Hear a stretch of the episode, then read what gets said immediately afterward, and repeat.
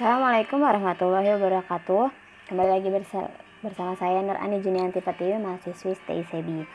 Kali ini saya akan men-sharing tentang reseller dan dropshipper ana analisa fikih produk.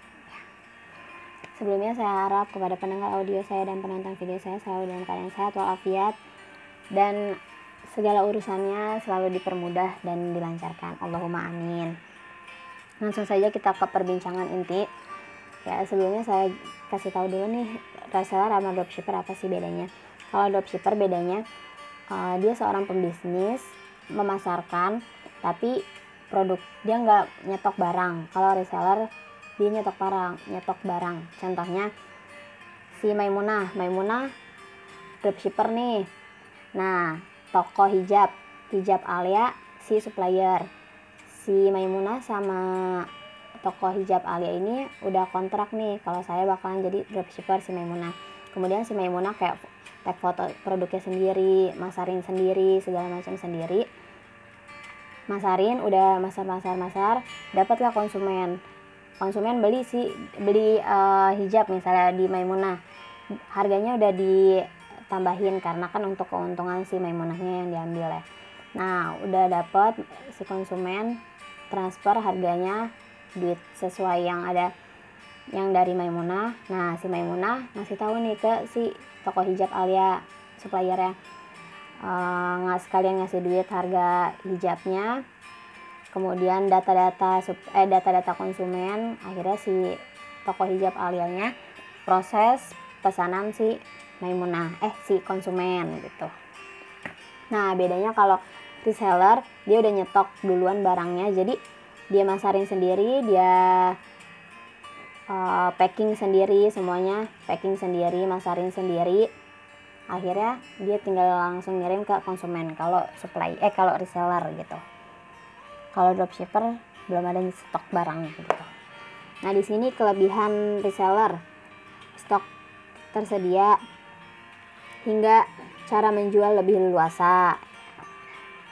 Misalnya COD atau membuka counter atau toko gitu kan kalau misalnya reseller. Nah kalau dropshipper kan nggak bisa karena nggak ada barangnya.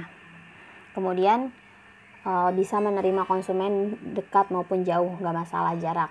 Bisa menjelaskan produk dengan lebih pasti karena melihat sendiri bentuk fisik berat dan lain sebagainya. Bisa mengontrol stok sendiri sehingga tahu mana produk yang ready dan tidak ya. Itu kelebihan reseller dan yang terakhir bisa mengambil margin lebih besar jelas gitu kan. Nah kalau misalnya kekurangannya reseller yang pertama itu harus memiliki modal untuk membeli produk memiliki resiko produk mengendap di gudang karena tidak laku dan yang terakhir direpotkan dengan proses packing dan pengiriman itu kekurangannya. Kalau dropshipper kelebihannya tidak memerlukan modal untuk memulainya tidak direpotkan dengan proses packing dan pengiriman, resiko kerugian yang sangat minim. Itu kelebihan dropshipper. Kekurangannya dropshipper, yang pertama, hanya bisa menjual dengan cara online karena untuk menjual secara langsung butuh modal kan butuh barang dan stok produk. Nah, yang kedua, pemahaman tentang produk knowledge masih terbatas karena kebanyakan dropshipper tidak mengetahui bentuk fisik produk yang dijualnya. Dan yang terakhir, kontrol produk tidak bisa dilakukan sendiri karena masih bergantung pada supplier, ya kan? Dalam bisnis dropshipper dan reseller ini ada beberapa macam akad yang bisa digunakan. Yang pertama, ijaroh. Apabila si dropshipper atau reseller tidak memiliki dana untuk menyetok barang, maka dia hanya mengandalkan marketing, yaitu mencari konsumen kan. Nah, nanti si jika mendapatkan konsumen si dropshipper atau resellernya mendapatkan fee fee dari jasa pemasarannya dia gitu. Ini bisa sesuai dengan fatwa DSN MUI nomor 09 tahun 2000 tentang ijaroh fee yang tidak terima oleh dropshipper atau reseller bisa berupa nominal atau persentase dari si supplier.